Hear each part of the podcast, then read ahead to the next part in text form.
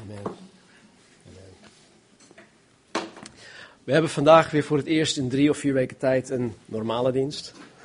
En dan in die zin dat wij teruggaan naar onze studie van uh, het Matthäus-evangelie. Dus we pakken het op ergens in hoofdstuk 9, um, ja, vers 18. In Deuteronomium 18 spreekt God tot Mozes over Jezus. Echt waar. In Deuteronomium 18 spreekt God tot Mozes over Jezus. En hij spreekt over Jezus die komen zal. En in vers 18 van hoofdstuk 18 zegt God tegen Mozes: Ik zal een profeet voor Israël doen opstaan uit het midden van hun broeders, zoals u.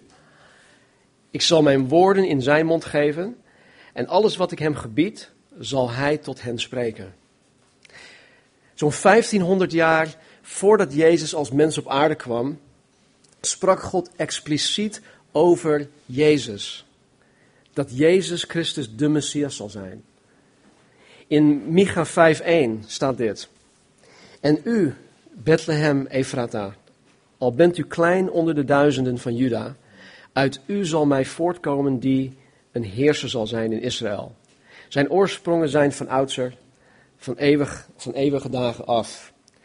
En hier spreekt de profeet Micha zo'n 730 jaar voordat Jezus als mens op aarde kwam, over de Messias die komen zal. En, Micha zegt dan ook dat zijn oorsprongen van oudsher van eeuwige dagen zijn. Dat wil zeggen dat de Messias zijn oorsprong vindt in de eeuwigheid. Oftewel dat de Messias al bestond voordat de tijd begon. Als we het over de eeuwigheid hebben, of als de Bijbel het over de eeuwigheid heeft, dan hebben we het niet over de tijd zoals wij dat kennen. Tijd is ook iets wat God gecreëerd heeft. En hij, hij bestaat buiten de tijd. En Jezus Christus dus ook. Hij bestond al voor de tijd. En dit geeft dus aan dat, dat de Messias, die in die tijd nog komen zou, die reeds gekomen is in Christus, dat hij God is. Want alleen God bestaat buiten de tijd. Wij niet. Dus Elke Jood in die tijd, of in de tijd dat Jezus hier op aarde wandelde, kende deze belofte van God. En elke Jood van die tijd verwachtte op een gegeven moment de komst van de lang verwachte Messias. Vergeet niet, toen, toen, toen Jezus op het toneel kwam, of toen Johannes de Doper op het toneel kwam, waren er 400 stille jaren. Tussen de, de profeet en Malachi en Johannes de Doper in sprak God niet tot het volk Israël. Het waren 400 stille jaren. Dus op het moment dat Johannes de Doper aankwam en Jezus aankwam, waren de mensen gewoon super verblijd dat er iets weer tot hen gesproken werd. Maar goed, elke Jood verwachtte de lang verwachte Messias. In Johannes 7, vers 31 staat dit. Er waren er onder het volk velen die in Jezus gingen geloven. Ze zeiden, zal de Christus bij zijn komst meer wondertekenen doen dan deze man heeft gedaan? Dus ze hadden, ze hadden voor hunzelf al een beeld vanuit de schriften van, van, van wat de Messias zou gaan doen. Ze zagen Jezus op het toneel komen. Ze zagen Jezus allerlei dingen, allerlei dingen doen. En ze vroegen zich af, zal de Christus bij de komst, of bij zijn komst, meer wondertekenen doen dan deze man heeft gedaan, dan dat Jezus heeft gedaan? Dus hier zien we dat het volk, uh, het Israëlisch volk, de komst van Jezus gewoon verwachtte. In Matthäus 11, 2 tot 5 staat dit. Toen Johannes, dat is Johannes de Doper, in de gevangenis over de werken van Christus gehoord had, stuurde hij twee van zijn discipelen en zei tegen Jezus: Bent u het die, gekomen, of die komen zou, of verwachten wij een ander? Johannes de Doper was op dit moment zwaar ontmoedigd. Hij was zwaar ontmoedigd door zijn omstandigheden. Je kunt je voorstellen, hij is de voorloper van Jezus. Hij mag Christus aankondigen. hij, hij wordt plotseling uit, het, uit beeld gehaald. Hij wordt in de gevangenis gezet. Hij mag helemaal niks meer doen. Sorry. En hij was gewoon ontmoedigd. Hij, hij wist zelfs niet eens meer of Jezus echt Jezus, de verwachte Messias, was. Ondanks dat hij over Jezus zei: Zie het lam Gods dat de zonde van de wereld wegneemt. Hij was er 100% van overtuigd dat Jezus Christus was die hij hoort te zijn, die hij beweerde te zijn. En door omstandigheden begon hij te twijfelen. Herkenbaar, denk ik. Dus wat deed hij? Hij stuurde vanuit de gevangenis een paar van zijn discipelen naar Jezus toe om Jezus te vragen: Bent u het die komen zou? Of verwachten wij iemand anders? Moeten we onze ogen op een ander richten? En in vers 4 staat dit. En Jezus antwoordde en zei tegen hen: Ga naar Johannes de Doper toe en bericht wat u hoort en ziet. Blinden worden ziende, kreupelen kunnen lopen, melaatsen worden gereinigd en doven kunnen, kunnen horen. Doden worden opgewekt en aan armen wordt het evangelie verkondigd. Jezus zegt hier expliciet dat hij de lang verwachte Messias is. En hij, en hij zegt dat door zijn kwalificaties te noemen. Alle dingen wat hij hier net zei, dit zijn de kwalificaties van de Messias. Niemand anders heeft deze cv of dit, deze profielschets. Alleen Jezus. En de Joden wisten vanuit het Oude Testament dat de Messias wonderen zou verrichten. En Jezus zegt hier dat wonderen gebeuren.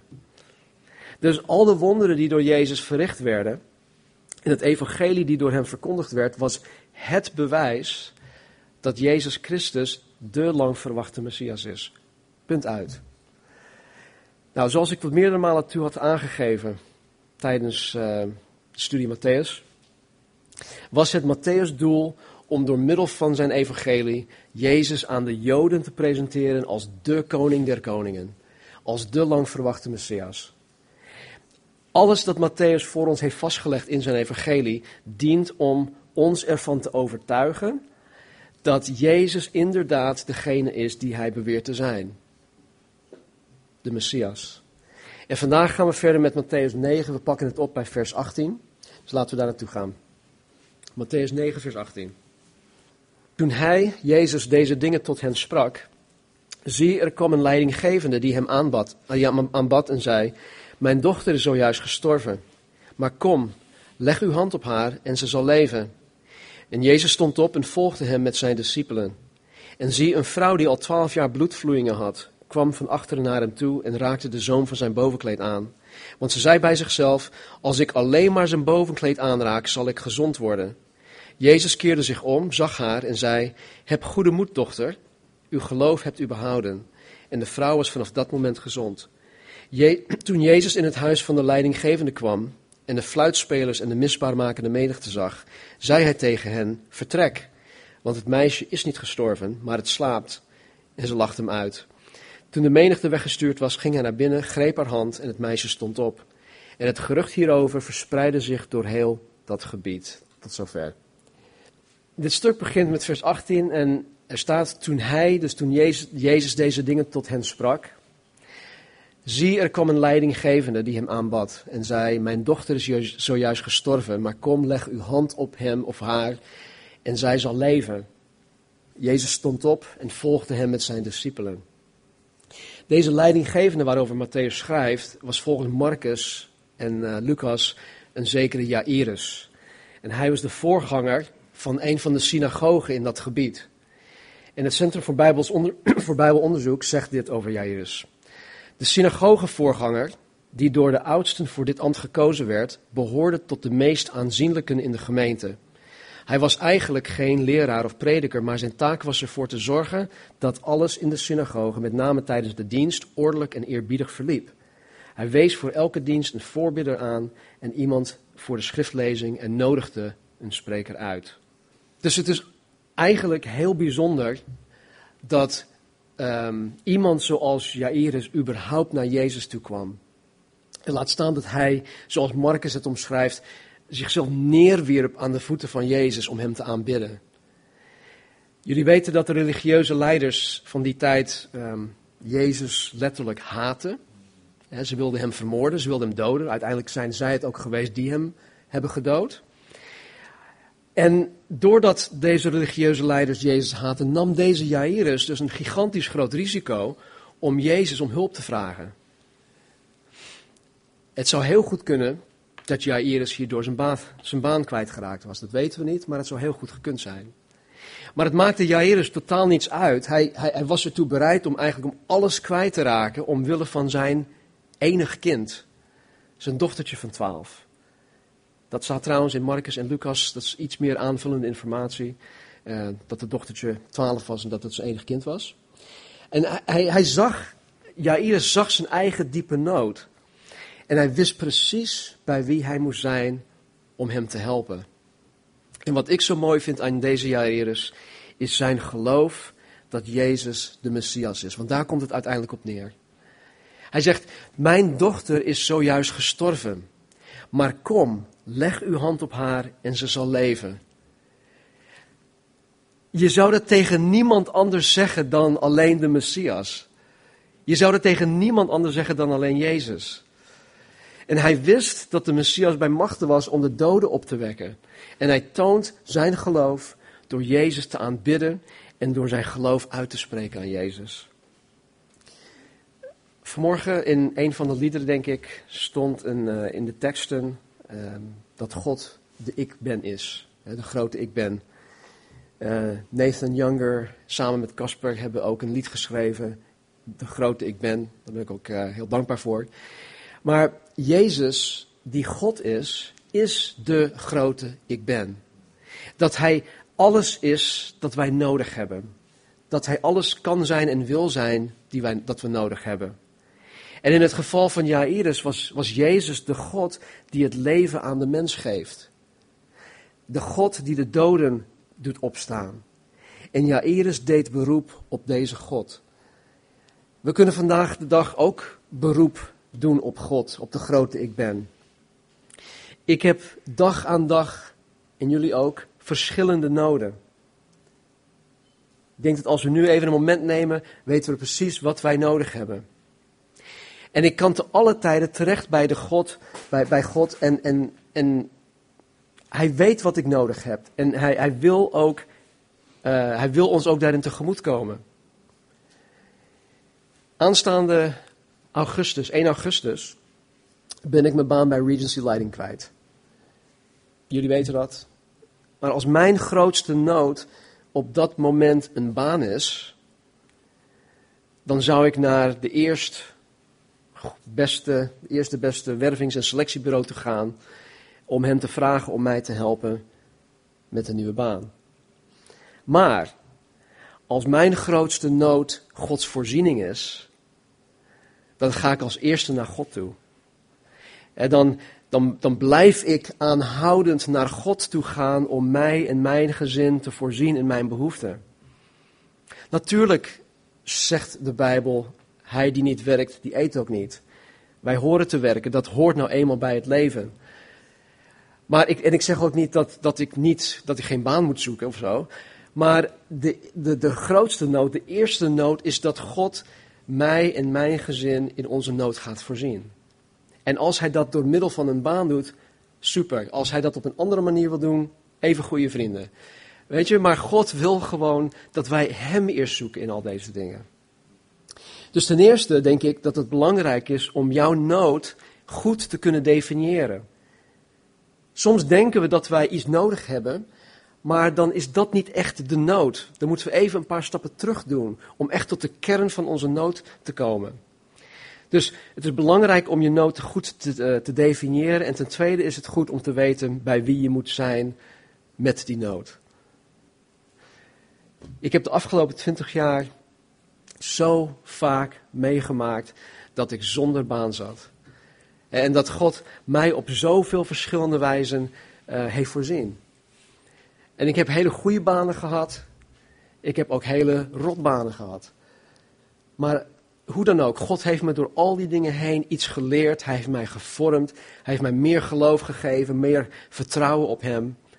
En zo wil God met een ieder van ons een weg gaan om Hem beter te leren kennen, om Hem te gaan vertrouwen.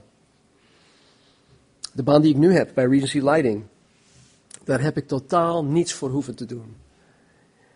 Ik wist geruime tijd van tevoren dat ik door een, grote, dat ik door een reorganisatie mijn andere baan bij Service Point kwijt zou raken. Dus eh, ja, God wist er ook van, God, wat moet ik hiermee, um, wat moet ik doen? Nou, in dit specifiek geval kwam het niet eens uh, in, me op om te gaan solliciteren.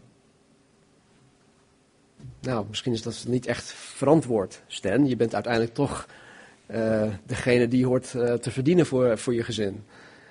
Maar het kwam niet eens in me op om te gaan solliciteren. En wat gebeurt er? Ik word door twee vicepresidenten van een Amerikaans bedrijf benaderd met de vraag of ik voor hen wil komen werken. Twee dagen in de week, wat ik, precies wat ik nodig had. En ik zeg dit omdat God weet wat wij nodig hebben. God weet het. En Hij die, die ons onvoorwaardelijk lief heeft, eh, die wil voor ons zorgen. We hoeven Hem niet te overtuigen van, oh God, wilt u alsjeblieft voor ons zorgen? Nee, Hij wil het. Wij moeten alleen gaan inzien wat onze diepste nood is. En dan, ja, dan moeten we naar God toe gaan. En als je niet precies weet wat jouw nood is, of als je denkt dat je het wel weet, of misschien twijfel je over je eigen nood, dan is de eerste stap om naar God toe te gaan, om God te vragen wat jouw nood daadwerkelijk is. Want soms zitten we er gewoon naast. Maar God, dat maakt bij God niet uit. Hij wil gewoon dat we naar Hem toe gaan. En zodra God jouw nood aan je bekend maakt, kan je God net zo lang blijven vragen om jou in jouw nood te voorzien, totdat Hij het doet. En ik preek geen uh, welvaartsevangelie op dit moment. Het is niet zo van, oh Heer, neem het en claim het. En nee, God weet wat wij nodig hebben. En ik heb het nu echt over noden, noodzakelijke dingen. Jezus zegt niet voor niets, maar zoek eerst het koninkrijk van God en zijn gerechtigheid. En al deze dingen zullen u erbij gegeven worden. Jairus, de leidinggevende, de voorganger van de synagoge, kwam tot Jezus met zijn nood. En volgens Marcus 5 smeekte hij Jezus om hulp. Hij viel voor zijn voeten neer en smeekte Jezus om hulp. En hier in vers 19 staat: En Jezus stond op en volgde hem met zijn discipelen. Weet je wat opmerkelijk dit? Nooit zien wij Jezus iemand die oprecht is afwijzen. Nergens. Lees alle evangelieën maar door. Nooit zien wij Jezus iemand die oprecht is afwijzen. Nooit zien wij Jezus iemand die een echte nood heeft afwijzen. Jezus wijst, wijst die mensen gewoon niet af. En zo ook hier, Jezus stond meteen op om Jairus te helpen. Vers 20. En zie, een vrouw die al twaalf jaar bloedvloeien had, kwam van achteren naar hem toe, raakte de zoom van zijn bovenkleed aan. Want ze zei bij zichzelf, als ik alleen maar zijn bovenkleed aanraak, zal ik gezond worden. Dames, kan je je voorstellen dat je twaalf jaar lang bloedvloeien hebt? Ik kan me daar totaal niets bij voorstellen. Hoe erg dit voor deze vrouw zou moeten zijn geweest. Volgens Marcus en Lucas had deze vrouw alles geprobeerd om hiervan af te komen. Ze heeft al haar geld uitgegeven aan doktoren, maar geen enkele dokter had haar kunnen helpen. En naast het feit dat zij leed aan deze aandoening, was zij volgens de wet continu onrein. Dag in en dag uit was zij continu onrein. En dat wil zeggen dat zij afgezonderd moest zijn en met niemand in contact mocht, contact mocht, komen. Eigenlijk net als de Melaatse was zij, ja, sociaal gezien gewoon uh, helemaal, helemaal afgezonderd. Laten we even naar de Leviticus gaan, Leviticus 15. Bladzijde 166 in de HSV. Vers 19. Wanneer een vrouw vloeit en de vloeiing in haar lichaam bestaat uit bloed, dan moet ze zeven dagen in haar afzondering zijn. En ieder die haar aanraakt is onrein tot de avond. Alles waarop zij in haar afzondering gelegen heeft, is onrein. En alles waarop zij gezeten heeft, is onrein. Ieder die haar bed aanraakt, moet zijn kleren wassen en zich met water wassen, en hij is onrein tot de avond. Ook moet ieder die enig voorwerp aanraakt waarop zij gezeten heeft, zijn kleren wassen en zich met water wassen, en hij is onrein tot de avond. Als hij zelfs iets aanraakt dat zich op het bed bevindt of op het voorwerp waarop zij gezeten heeft, is, is hij onrein tot de avond. Als een man metterdaad met haar geslapen heeft, komt haar afzondering ook op hem. Hij is dan zeven dagen onrein. En ook is elk bed waarop hij gelegen heeft onrein. Wanneer een vrouw vele dagen buiten de tijd van haar afzondering een bloedvloeiing heeft, of wanneer zij langer vloeit dan de tijd van haar afzondering, dan is zij al de tijd dat zij vloeit onrein. Dus twaalf jaar lang. Net zoals de dagen van haar afzondering. Elk bed waarop zij ligt in de dagen dat zij vloeit, is voor haar als het bed van haar afzondering. En elk voorwerp waarop zij gezeten heeft, is onrein, zoals de onreinheid van haar afzondering. En ieder die deze dingen aanraakt, is onrein. Hij moet dan zijn kleren wassen en zich met water wassen, en hij is onrein tot de avond.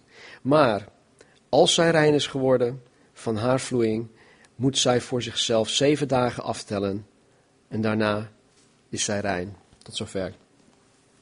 Deze arme vrouw werd dus twaalf jaar lang in een soort van quarantaine gehouden. Twaalf jaar lang. Niemand mocht haar aanraken, anders werden zij onrein. Niemand mocht bij haar over de vloer komen, anders worden zij onrein. En zoals ik net zei, zij was net als de Melaatse van hoofdstuk 8. En deze vrouw die kwam dus van achteren en raakte de zoom van het bovenkleed van Jezus aan. Ze was, denk ik, ervan overtuigd, want dat staat hier, dat als zij alleen maar zijn jas kon aanraken, dat ze genezen zou zijn. Nou, in die tijd droegen mensen, ehm, ik denk vooral um, rabbijnen, op hun bovenkleed, dat is maar een, een, jas, een bovenkleed, hadden ze vier kwasten bevestigd op alle hoeken van, van, dat, van dat kleed. En deze kwasten dienden om, om, om hen te herinneren aan de geboden van God. Nou, ik weet niet meer precies waarom, maar naast deze vrouw, en dat zien we ook in de evangelie terug tot drie of vier keer toe, uh, waren er meerdere die geloofden dat als zij alleen al een van deze kwasten zouden aanraken van Jezus, dat zij genezen zouden worden. Jezus keerde zich om, vers 22, zag haar en zei, heb goede moed, dochter, uw geloof heeft u behouden. En de vrouw was vanaf dat moment gezond. Dit vind ik zo mooi. Deze vrouw schroomde om Jezus rechtstreeks te benaderen. En wellicht dacht ze dat Jezus haar niet wilde spreken. Of dat Jezus haar niet wilde aanraken, omdat ze onrein was. Is een hele logische, hele ja, juiste gedachte, want zo beschouwde de hele maatschappij haar. Van ik wil je niet aanraken, kom niet in mijn buurt. Maar dan komt zij dus ongemerkt van achteren. Ze komt door de menigte heen. En, en ze, ze, uiteindelijk komt ze bij Jezus en, en ze raakt zijn jas aan. En volgens Marcus en Lucas merkte Jezus dat er op dat moment kracht van hem uitging.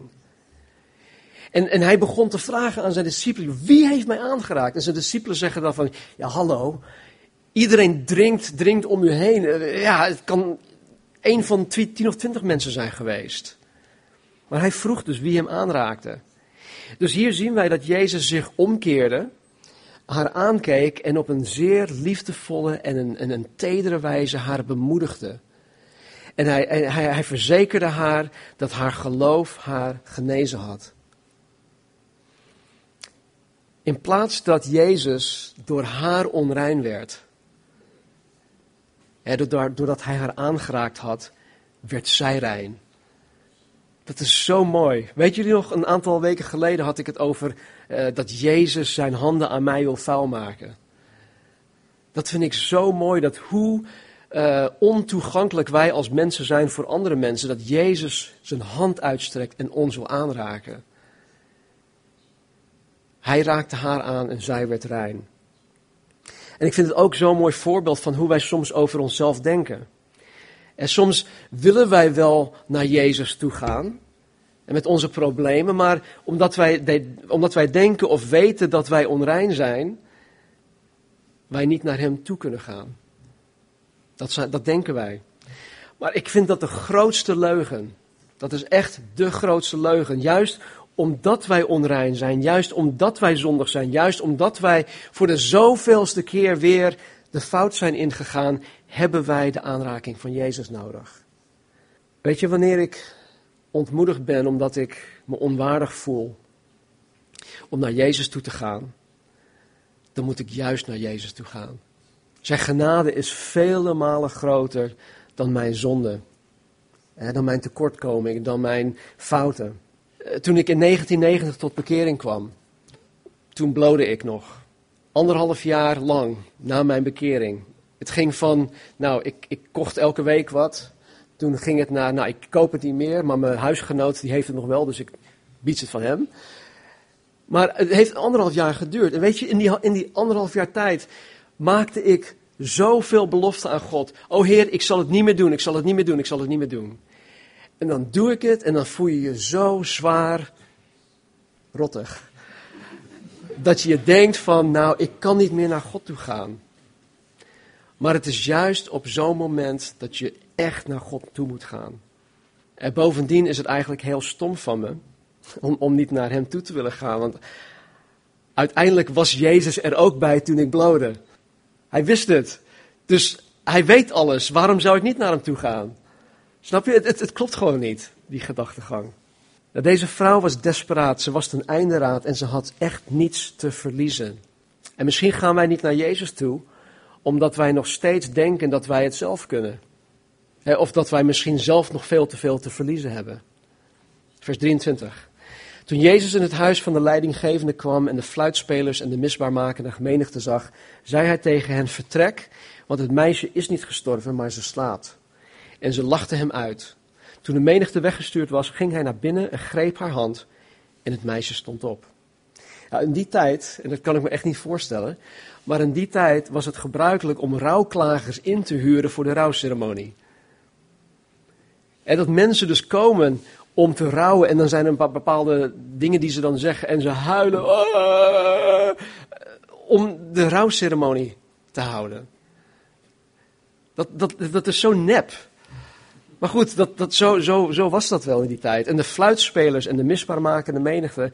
Um, ja, die, die waren waarschijnlijk ook een soort van professionele rouwklagers. En Jezus zegt tegen hen om te vertrekken. Jullie zijn niet meer nodig, want het meisje is niet gestorven. Eh, het, het, het, het meisje sliep, zei hij. Of ze slaapt. En zij bespotten Jezus en ze lachten hem gewoon uit. Nou, wat ik zo gaaf vind, is dat ik zeker weet dat Jezus zich hier niet aan stoorde. Dat ze hem bespotten en dat ze hem uitlachten. En vandaag de dag bespotten mensen Jezus en christenen nog steeds. Ik kom het bijna dagelijks tegen.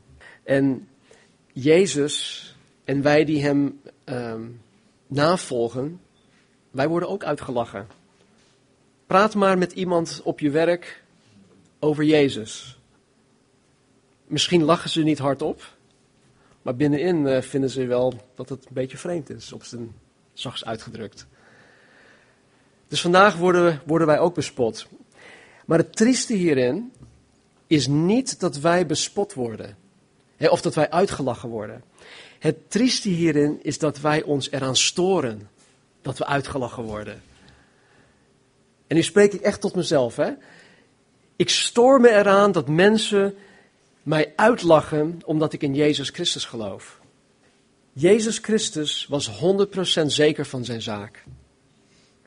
Hij was 100% zeker over wie hij is en ik geloof dat die zekerheid die hij had hem kracht gaf om zich niet te storen aan, de, aan wat mensen van hem dachten.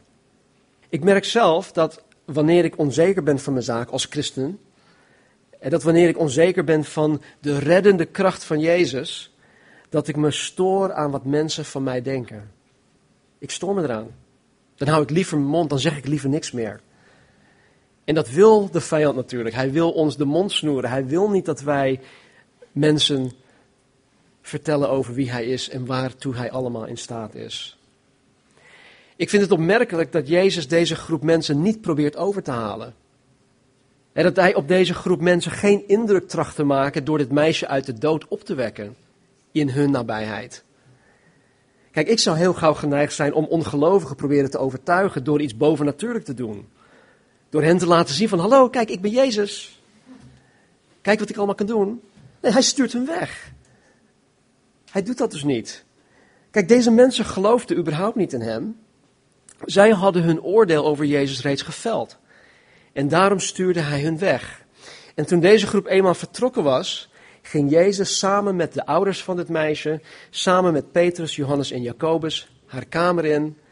Hij greep haar hand, hij riep tot haar, sta op. En haar geest keerde tot haar terug en zij stond op. Zij was dood en zij leefde weer. En weet je, ook in dit geval raakte Jezus iemand aan die onrein was. Een lijk is volgens de Joodse wet, volgens de wet van Mozes, onrein. En iedereen die een lijk aanraakte, werd onrein. Maar nogmaals, in plaats van dat Jezus door haar onrein werd, gaf Jezus haar haar leven terug. En niet alleen haar aards leven, maar ik geloof ook het eeuwig leven. Het staat hier niet expliciet, maar Jairus geloofde in Jezus. Hij geloofde dat hij de Messias is. En ik weet zeker dat dit meisje uiteindelijk ook tot geloof is gekomen. Wie zou niet tot geloof komen dat als je, als je dood was en dat Jezus je, je opwekte? Dat, dat, daar, kan daar kan ik me niks bij voorstellen. En het gerucht hierover, vers 26, verspreidde zich door heel dat gebied. Nu dit tot slot. De Bijbel belooft ons dat de volgelingen van Jezus Christus op een gegeven moment een nieuw lichaam zullen krijgen. De Bijbel noemt dat een verheerlijkt lichaam. Een opstandingslichaam. Een lichaam die gelijk is aan het opstandingslichaam van Jezus Christus. Die wel van vlees en bloed en beenderen lijkt te zijn, maar die in een oogwenk een kamer in kan komen. Die gewoon buiten ja, onze, onze dimensie bestaat eigenlijk. Nou, nu ik een beetje rijp aan het worden ben, krijg ik langzamerhand steeds meer lichamelijke klachten. En mijn lichaam toont steeds meer slijtage. En ik persoonlijk zie, er, zie ik er met rijkhalsend verlangen naar uit om mijn verheerlijk lichaam te krijgen. Ik kan echt niet wachten. Dat zal zo ontzettend gaaf zijn. ik zeg ook vaak tegen Marnie, ik zeg, schat, ik kan niet wachten om jou in je verheerlijk lichaam te zien. nee, dat weet ik. Sorry. Ik geloof, en ja, ik weet 100% zeker, dat Jezus Christus in staat is om mij straks dat verheerlijk lichaam te geven. Waarom? Omdat ik zeker weet dat Jezus Christus de lang verwachte Messias is. En daar, gaat het om. Daar gaat ons geloof om. Het gaat niet van, oh ik geloof, ik moet geloven, ik geloof, positief beleiden en al dat soort dingen. Nee, geloof gewoon dat Jezus Christus de Messias is en Hij kan alles voor ons betekenen dat wij nodig hebben. Het geloof draait om Jezus. En weet je, vlees en bloed heeft mij hier niet van overtuigd. Zoals Jezus dat ook tegen Petrus zegt. Maar God zelf heeft dit aan mij geopenbaard. En dat, gaat, dat komt dan weer terug op die persoonlijke relatie met God door geloof in Jezus Christus. Hij maakt zichzelf aan ons bekend. Aan een ieder van ons individueel. En gelukkig ook gezamenlijk in deze gemeente. Nou, mijn hoop en mijn gebed is dat een ieder van jullie deze zekerheid ook hebben of die zekerheid meer zullen gaan krijgen. Dus laten we bidden. Vader, ik dank u voor uw woord. Dank u voor het geweldig evangelie van Matthäus. Dank u wel dat hij dat vastgelegd heeft, dat u hem geïnspireerd heeft, Heer, door uw geest, om het voor ons achter te laten. En dat u zo zorgvuldig bent geweest om het voor ons te, te bewaren, Heer, in deze staat. Dat we het kunnen aannemen, Heer, als het woord van God. Dus Heer, ik dank u voor de lessen die we hier ook mogen uithalen. Dank u voor de bemoediging, Heer, dat u Jezus de Messias is, dat u de Messias bent, dat u degene bent die ons ehm, uiteindelijk zal gaan verheerlijken. En Heer, help ons, Heer, om een eeuwig perspectief te, perspectief te krijgen. Heer, dat we niet zozeer gefocust zijn op het hier en nu, maar dat we onze ogen, heren, zullen richten op de hemel, op Jezus Christus, de leidsman en voleinder van ons geloof. Dank u wel, Heer. Dank u wel dat wij u mogen kennen. Dank u wel dat u zo ver gaat om uzelf aan ons te openbaren. De zegen ons hierin, Heer, en laat uw woord die we vandaag hebben mogen, mogen ontvangen, laat het woord in ons leven veelvoudig en eeuwig vrucht dragen voor uw glorie. In Jezus' naam. Amen. Amen.